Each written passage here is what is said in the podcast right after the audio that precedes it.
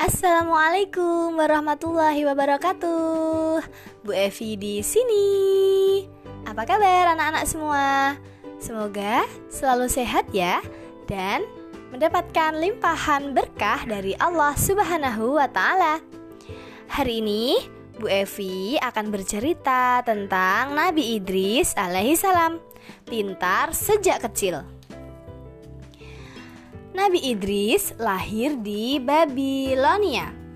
Ayahnya Yarid bin Mihlael bin Kinan bin Anusi bin Syid bin Adam. Pada diri Idris terdapat banyak kelebihan. Sejak kecil dia rajin membaca. Tak mengherankan jika Nabi Idris menjadi pintar. Nabi Idris berguru pada Syed dia belajar dengan memakai sahifah atau lembaran-lembaran.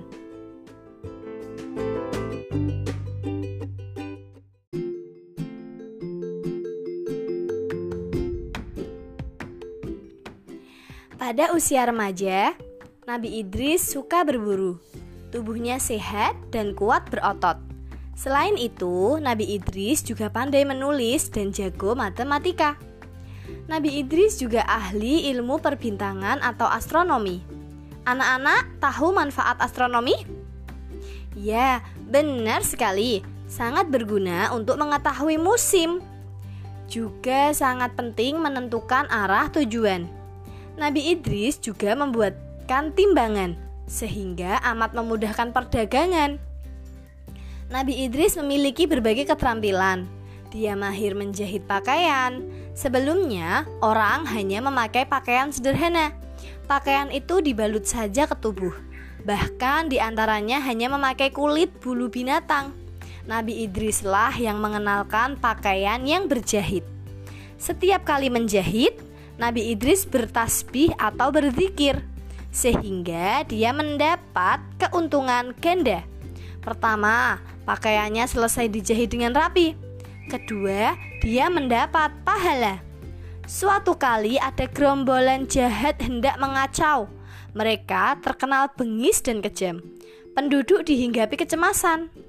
Jangan takut, kita harus yakin bisa mengalahkan mereka. Ujar seorang pemuda mengorbankan semangat.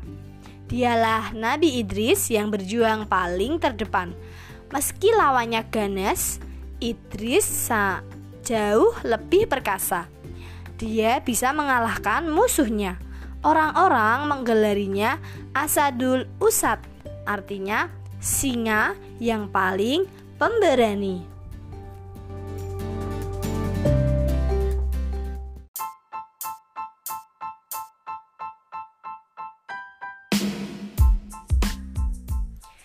Nabi Idris sangat pintar, cekatan, dan berakhlak mulia. Allah pun mengangkatnya menjadi seorang nabi. Dalam Al-Quran terdapat dua ayat tentang Nabi Idris. Perhatikan surat Maryam ayat 56 dan 57 yang artinya ceritakanlah hai Muhammad kepada mereka kisah Idris yang terdapat di dalam Al-Quran. Sesungguhnya dia seorang yang sangat membenarkan dan seorang nabi kami telah mengangkatnya ke martabat yang tinggi. Tugas mulia itu dilaksanakan Nabi Idris penuh tanggung jawab. Dia berdakwah kepada kaum keturunan Kobil. Kaum itu menyembah api. Nabi Idris berseru, "Apa yang kalian lakukan?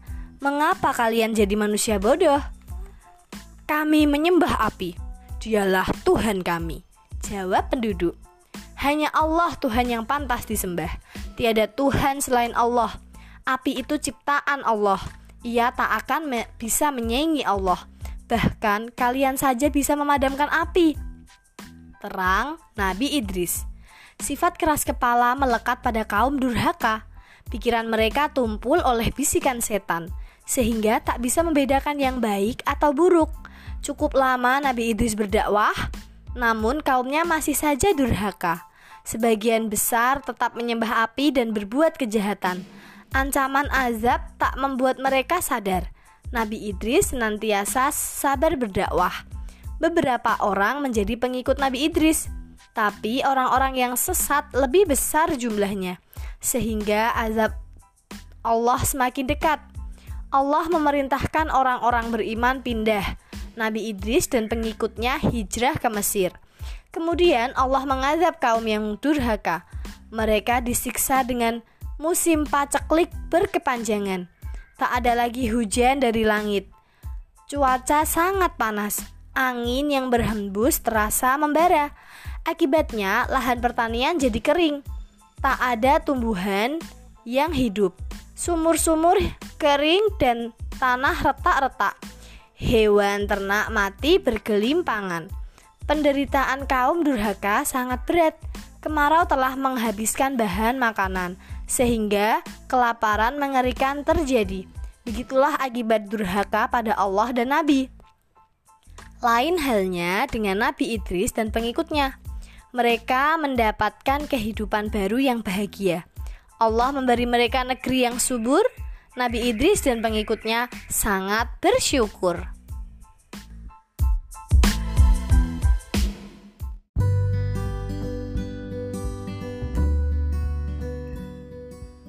Suatu hari, Nabi Idris kedatangan tamu istimewa, seorang laki-laki muda yang tampan. Mari masuk, silahkan duduk. Nabi Idris sangat gembira menyambutnya. Nabi Idris sama sekali tak mengenalinya. Pastilah dia berasal dari luar kampung ini. Tapi tak ada tanda ia sudah berjalan jauh. Pakaiannya bersih dan rapi.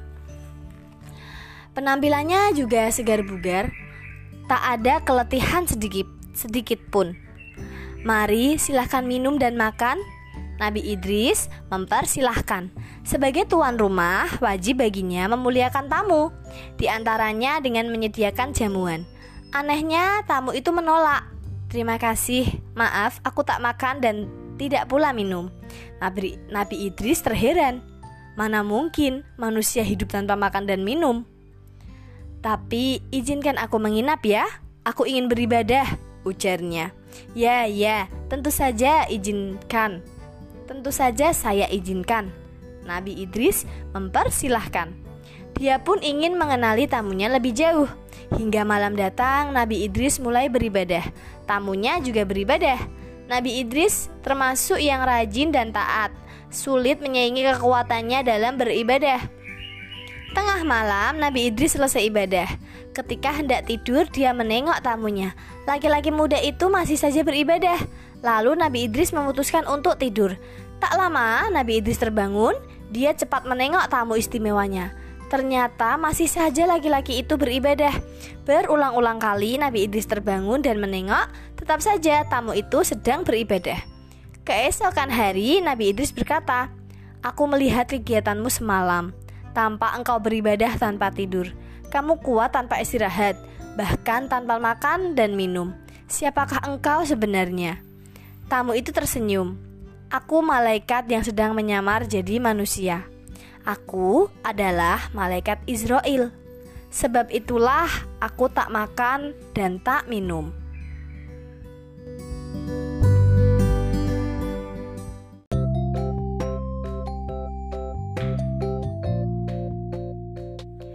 Jadi, engkau malaikat penyabut nyawa. Apakah ajalku sudah tiba? Nabi Idris bertanya. Tidak, kamu akan aku bawa jalan-jalan. Kita akan melihat neraka dan surga. Tentu saja Nabi Idris gembira. Kesempatan ini hanya didapat oleh Nabi pilihan Allah. Atas kekuasaan Allah, perjalanan itu berlangsung. Pertama kali Nabi Idris dan malaikat berkunjung ke neraka. Di neraka, api menyala-nyala sangat besar. Panasnya jauh melebihi pan api di dunia. Orang-orang durhaka dipanggang. Mereka berteriak kesakitan. Setiap kulitnya hangus terbakar. Allah ganti lagi dengan kulit baru sehingga ia terus menjerit kesakitan. Astagfirullah. Nabi Idris kaget. Benar-benar tempat yang sangat mengerikan. Semoga aku, keluargaku dan umatku tidak masuk ke sini. Kemudian Nabi Idris dinampakkan surga. Itulah tempat paling indah. Semua penghuninya bersukaria. Mereka tinggal di istana yang megah, jauh lebih hebat daripada istana dunia ada taman-taman yang luas dan permai. Bahkan ada sungai susu, madu, dan air jernih. Subhanallah, seru Nabi Idris. Benar-benar tempat yang paling indah. Semoga aku dan umatku berada di sini. Amin. Sahut malaikat. Kemudian Nabi Idris wafat. Kematiannya sangatlah indah sebab merindukan orang soleh seperti dirinya. Sebab Allah merindukan orang soleh seperti dirinya. Dia dibawa malaikat ke derajat yang tinggi. Nabi Idris berada di tempat yang sangat mulia.